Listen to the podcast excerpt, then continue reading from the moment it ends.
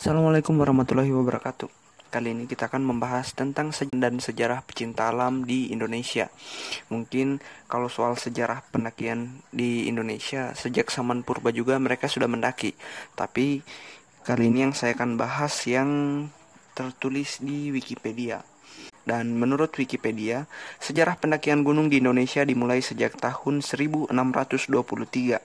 Saat itu, Jan Cartens menemukan pegunungan yang sangat tinggi di beberapa tempat yang tertutup salju di Papua. Makanya, di salah satu puncak di Gunung Jayawijaya, itu ada yang namanya Puncak Cartens. Sedangkan sejarah pecinta alam di Indonesia sendiri berdiri pada tanggal 18 Oktober 1953 berdiri sebuah perkumpulan yang disebut dengan Perkumpulan Pecinta Alam yang disingkat menjadi PPA. Nah, PPA ini merupakan perkumpulan hobi yang dimaksud sebagai satu kegemaran positif terlepas dari sifat maniak yang semata-mata ingin melepaskan nafsunya dalam corak negatif. Dan tujuan terciptanya perkumpulan ini untuk mengisi kemerdekaan dengan kecintaan terhadap negeri ini selepas masa revolusi yang diwujudkan dengan mencintai alamnya serta memperluas dan mempertinggi rasa cinta terhadap alam dan seisinya dalam kalangan anggotanya dan masyarakat umumnya. Begitu kira-kira. Terus, kenapa namanya pecinta alam? Jawabannya, kita mulai dari seorang yang bernama Awibowo.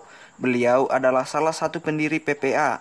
Beliau mengusulkan istilah pecinta alam karena cinta lebih dalam maknanya daripada kata gemar atau suka yang mengandung makna eksploitasi belaka tetapi cinta mengandung makna mengabdi kata beliau bukankah kita dituntut untuk mengabdi kepada negeri ini Singkat cerita, PPA hanya bertahan sekitar 8 tahun saja.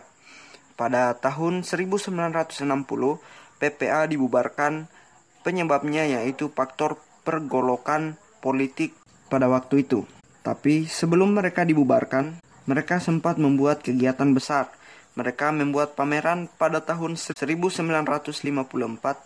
dalam rangka Hari Jadi Kota Yogyakarta. Di kegiatan ini mereka membuat taman dan memamerkan foto kegiatan mereka. Selain itu, mereka juga sempat merenovasi agrodumilah atau tempat melihat pemandangan di Desa Patuk.